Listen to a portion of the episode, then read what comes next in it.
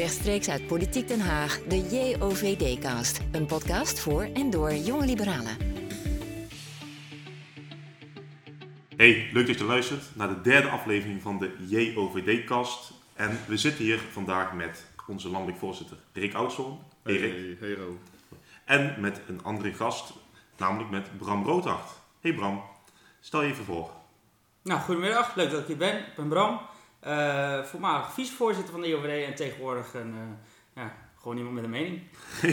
ja, en daarom zitten wij hier ook. Hè. Naast eh, alle feitjes die we vandaag met jullie delen, hebben wij natuurlijk ook een mening. Drie witte mannen met een mening. we gaan gauw verder. We hebben drie leuke onderwerpen op de agenda staan. Ten eerste het uh, Elsevier-stuk, wat uh, Rick en Wilbur, bestuurslid voorlichting, samen hebben geschreven en dat in Elsevier is uh, beland. daarna een kleine discussie over het coronavirus en uiteindelijk het hoofdonderwerp, de democratische voorverkiezingen in de VS. om bij het eerste te beginnen, het Elsevier-stuk. Rick, jullie hadden een duidelijke oproep. het was een artikel met veel onderwerpen. Ja. Kan je dat even toelichten? Waar ging het precies over? Uh, ja, we hebben dit stuk geschreven met de insteek dat we eigenlijk vinden dat, uh, nou, dat er in de grote steden een veel te grote bevolkingsgroei is en dat grote steden ook uitpuilen. Helemaal als je het vergelijkt met de steden en de gemeentes buiten de Randstad.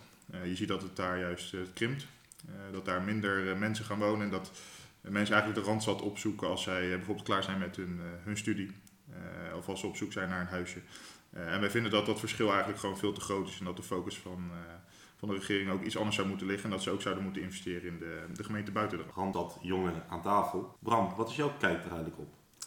Ja, uh, tegenwoordig Randstad, hiervoor uh, wel vanaf uh, platteland.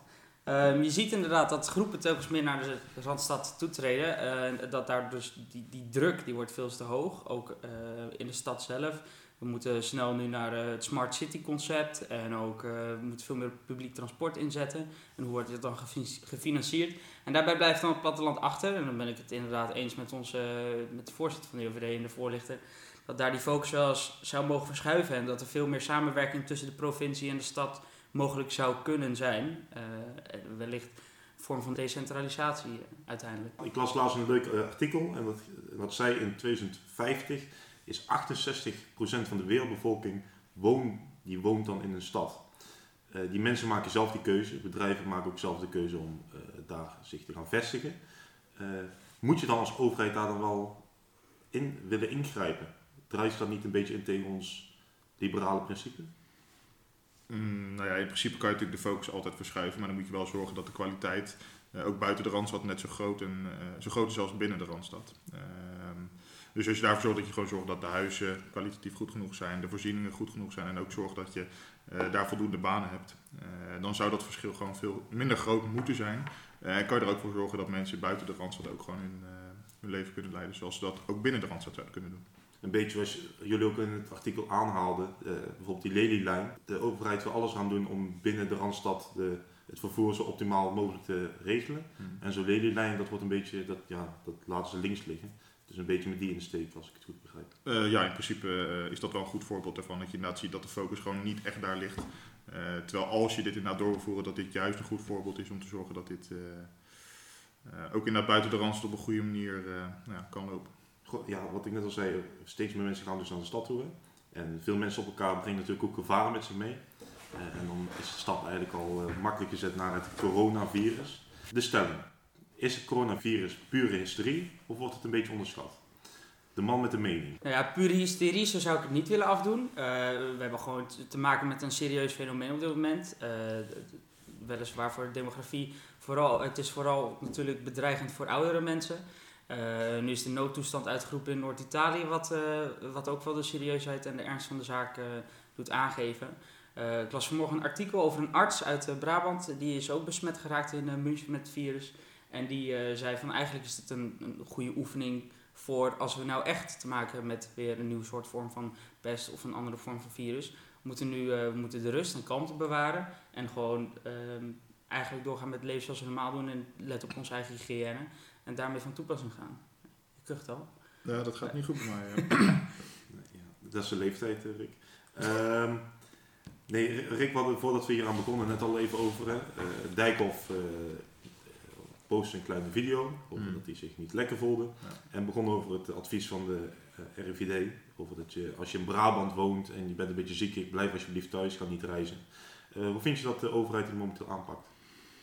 Eh, nou ja, kijk, we zijn natuurlijk al best wel eh, vroeg begonnen met mensen te informeren over, eh, over dit virus. Aan de ene kant kan je zeggen, ja, je moet mensen niet onnodig bang maken. Aan de andere kant kan je zeggen, ja, dan kunnen mensen zich wel daarop voorbereiden.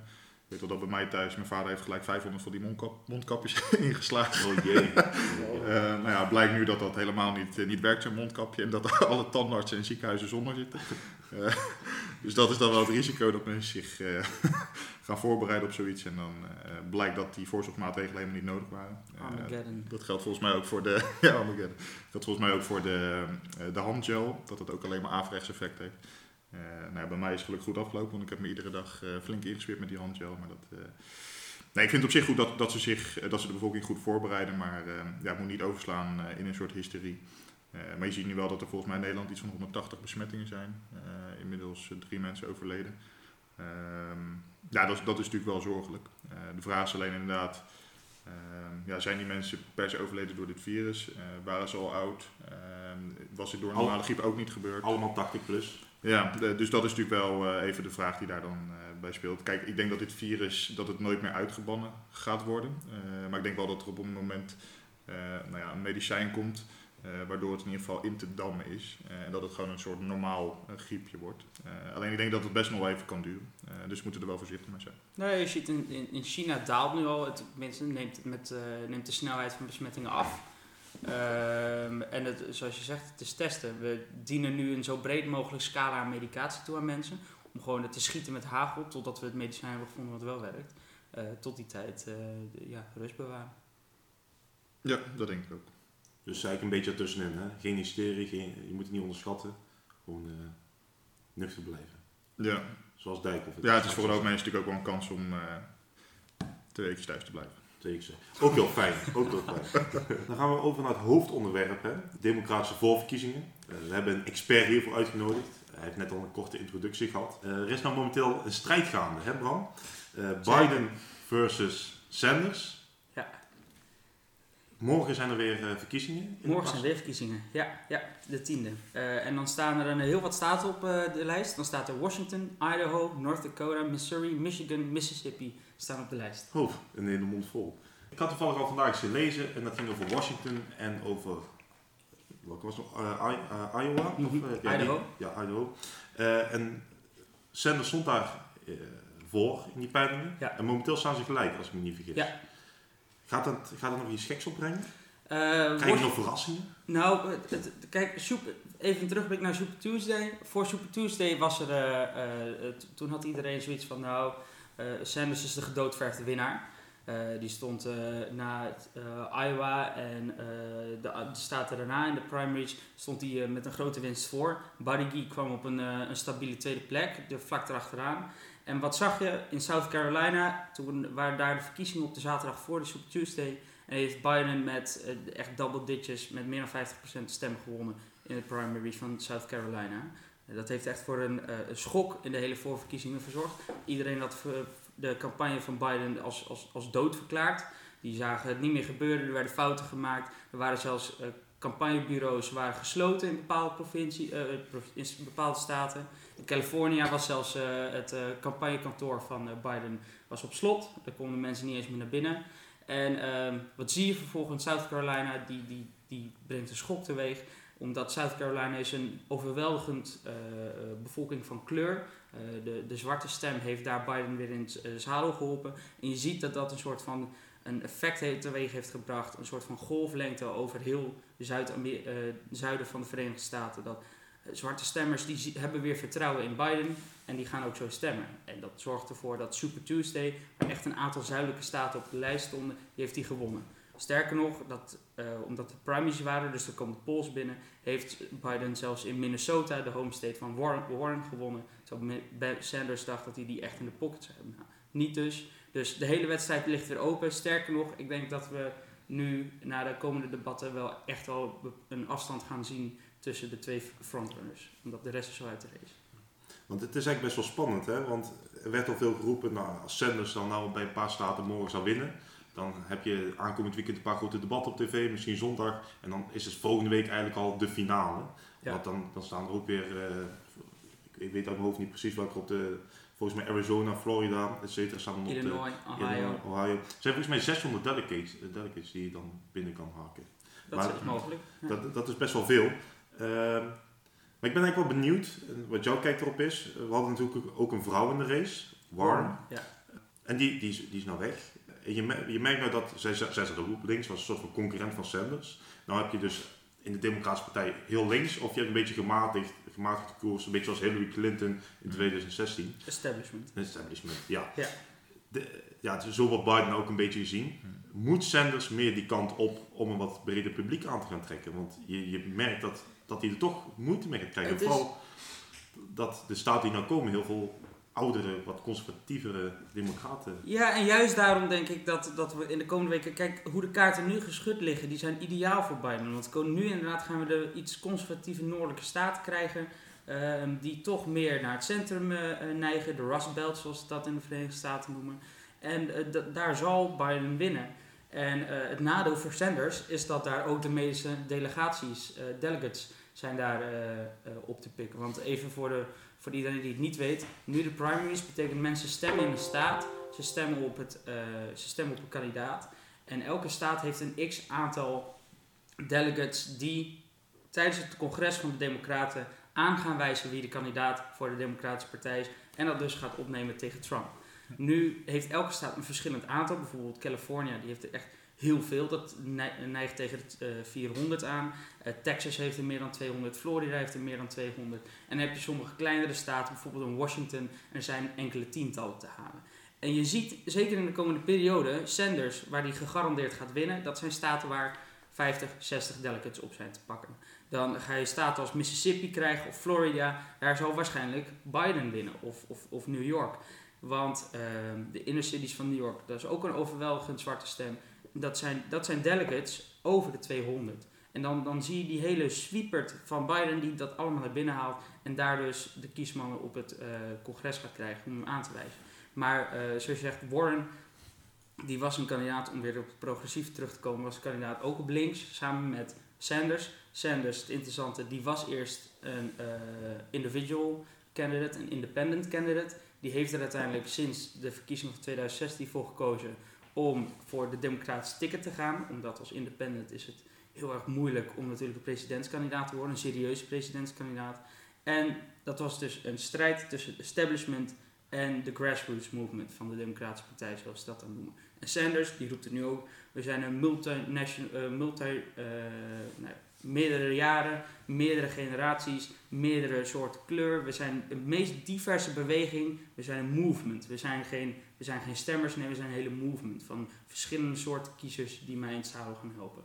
Je ziet nu alleen wel, en dat, eh, Trump zei het ook op zijn rally onlangs, van de, gaat de Democratische Partij, het establishment, weer de campagne van Sanders in de weg zitten en weer eenzelfde soort kandidaat als Hillary destijds eh, als eh, kandidaat nomineren. En dat gaan we zien. Ik denk van wel. Je ziet nu ook de ene endorsement, dus de aanbeveling van, eh, voor Biden van de ene kandidaat naar de andere gebeuren. Buddy Geek heeft Biden endorsed. Klobuchar, een, een vrouw die ook in de race was en zeer sterk in het debat was, die heeft eh, Biden endorsed. Eh, Kamala Harris heeft gisteren Biden endorsed. Dat is een zwarte vrouw die nog in de race was. Beto O'Rourke, een, een huis van afgevaardigde man uit Texas, heeft Biden endorsed.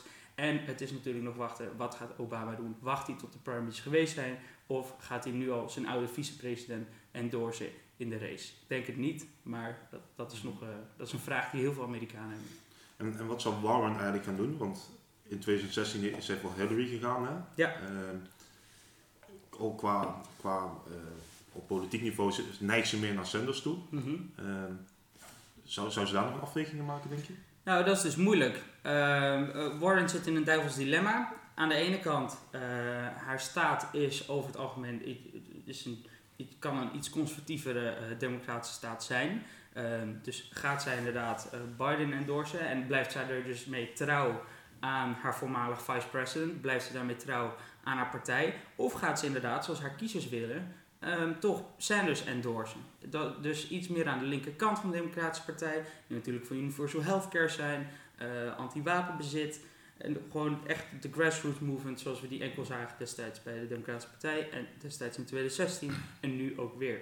Even voor de luisteraars. Hè. Uh, Warren stond in oktober volgens mij vorig jaar echt hoog in de peiling. Volgens mij was het toen nummer 1 van... Ja, zo, iedereen was zo enthousiast in ieder geval. In november stond ze op eerste plek. Oh ja, dat, dat dus. Um, en uiteindelijk kwam zij met dat healthcare idee van uh, we gaan moeten ziekenhuizen moeten in handen zijn van de staat, et cetera, et cetera. En daar waren heel veel democraten eigenlijk een beetje op tegen. Dat ging net iets te ver. Ze zeiden ja, we willen eigenlijk wel eerst even in uh, het parlement genoeg zetels behalen. En dan gaan we wel kijken, kunnen we verder linker uh, afslag gaan maken. Wat ik net al zei, Bram, moet Sanders niet op een gegeven moment gewoon meer naar het midden toe? Uh, ik denk niet dat Sanders dat zal doen. Sanders uh, is zijn hele leven al, is hij al actief. Hij is, zit nu nog steeds in de Senate zit hij ook als independent. Hij zit niet namens de Democratische Partij in de Senaat op dit moment. als Sanders dat gaat doen, naar het midden op gaat schuiven, dan, dan verliest hij zijn eigen achterban. daar ben ik echt bang voor. Het is een fenomeen, het is een, het is een cultheld als hij dat gaat doen, dan verloopt hij zichzelf. En dan zal, dan zal hij net als de andere van de kliek zijn. Dus zal hij zijn achterban verliezen. Want je ziet het Biden, zag je het wel doen. Vorige maand zei hij nog, uh, om een beetje de wat linker vlak van uh, de Democratische Partij te vriend te houden. Uh, we hebben allemaal progressieve ideeën. Maar goed, ik ben wel benieuwd hoe de rest daar in de toekomst tegenaan gaat, gaat, gaan kijken. Nou ja, hij heeft het voordeel, hij was destijds vice-president van Obama. Dus hij kan altijd in zijn speeches terugvallen op van ik ben, niet, ik ben uh, uh, geen uh, links iemand, ik ben een Obama-Biden-democrat. En daar blijft hij op hameren, want Obama is nog steeds immens populair in de mm-hmm. Verenigde Staten. En zolang hij die blijft, naam blijft noemen en daarmee dus ook terug kan vallen op dat hij destijds als vice-president Obamacare heeft ingevoerd. Hij kan op die progressieve idealen van destijds, het invoeren van het homohuwelijk ook onder Obama, kan die terug blijven vallen. En zo ook de minderheden van de Verenigde Staten aan blijven spreken. Ik ben, ik ben ook wel benieuwd, want uh, de Democraten hebben natuurlijk best wel lange tijd gehad om eigenlijk een nieuwe aansprekende kandidaat naar voren te schuiven. En eentje die ook best wel kansrijk zou zijn. Dan kun je kijken naar een vrouw of een jonge persoon. Uh, want als je de kandidaten die nu de meeste kans maken, die zijn zelfs nog ouder dan Trump. Die zijn 77 en 78 jaar. Uh, volgens mij heeft Sanders ook afgelopen half jaar een hartaanval gekregen. Ehm, ik vraag me af hoe jij er naar kijkt, Bram. Want waarom heeft de Democratische Partij ervoor gekozen om eigenlijk deze twee mannen soort van naar voren schuiven? en er niet voor te zorgen dat er iemand anders uh, kwam die daar een betere kans had. Want uh, ja, dit is eigenlijk meer korte termijn beleid. Nou, dat, dat, dat heeft echt te maken met de politieke cultuur van de Verenigde Staten. Uh, daarnaast mag pas presidentskandidaat zijn vanaf 45 jaar in de Verenigde Staten. Kennedy was de meest jong, jonge president ooit. Um, maar um, het is lange termijn. De politiek van de Verenigde Staten, hoe die in elkaar zit, het is, het is heel moeilijk om omhoog te klimmen. Het, het zijn van allerlei verschillende fases. Uh, je hebt het congres, je hebt de senaat, uh, dan heb je nog natuurlijk uh, governors. En iedereen die probeert het. Je had, twee, je had twee burgemeesters in de race, je had Buddy Geek en je had Bloomberg die in de race waren. Dus iedereen kan er een gooi na doen. Het is een heel individualistisch systeem. Dus het is heel moeilijk om in het, termijn van vier jaar een nieuwe cultheld te creëren die wellicht Trump wel kan verslaan. Het is gewoon heel moeilijk. hoe Obama destijds aan zijn hele reis naar de top was dat heeft ook jaren en jaren geduurd. Hmm. Want in principe is het allemaal een heel diverse lijst voor het begin. Wat je net al zei, die uh, donkere mevrouw. Die er stonden 24 mensen op het podium. Er, waren, er waren twee debatavonden nodig in de eerste primaries van Ohio om überhaupt alle kandidaten te horen. Ja, en dat was wel genoeg. En nu zijn we terug naar twee. Uh, en bij de debatten voor, voor Super Tuesday had je vier mensen op het podium staan die allemaal ouder dan 70 jaar waren. Maar die Super Tuesday was ook wel bedoeld toch om te gaan slachten, zeg maar, binnen Ja, dat, dat is, dat, dat is uh, ja, dan gaat iedereen met boeken. Ja, ja oké. Okay. Uh, Rick, in de vorige podcast zei je al wat over dat, uh, dat je wel dacht dat Sanders een grote kans zou gaan maken. Ja.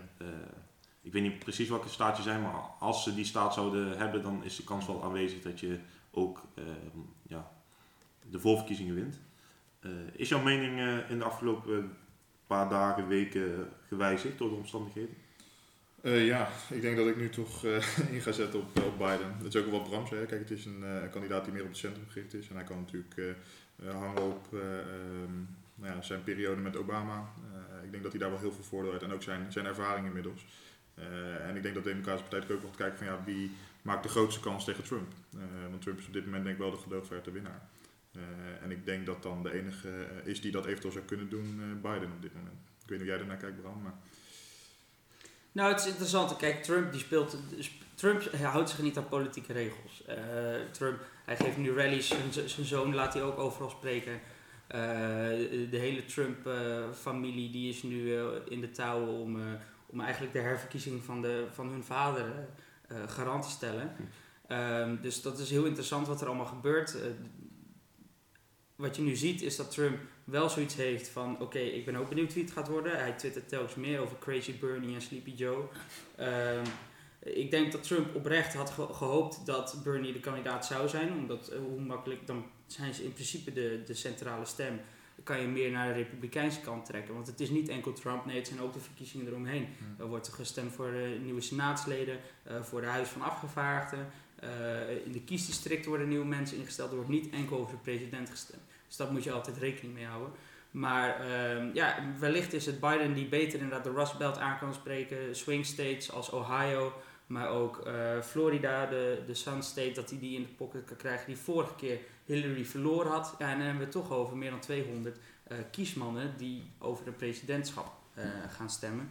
Ja, dat, dat tikt aan en dat zijn, de, st- dat zijn de staten waar gewonnen moeten worden. Staten waar eh, Sanders toch al sterk is, Californië, Vermont.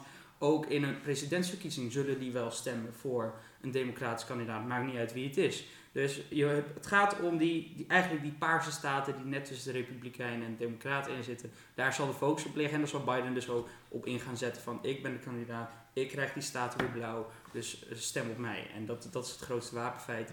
Eh, we gaan dat ook in de komende periode zien. En dan met klapper op 24 maart Georgia. En ik denk dat we op die dag dan al wel kunnen gaan zien wie de presidentskandidaat is.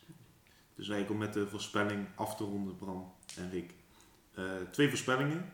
Wie gaat het tegen Trump opnemen? En in november, mocht het zover komen, wie denken nu, wie wordt eh, per november onze nieuwe president? Of ja, onze president. In Amerika, de president. Ja. Nou, wat ik net zei, ik denk Joe Biden.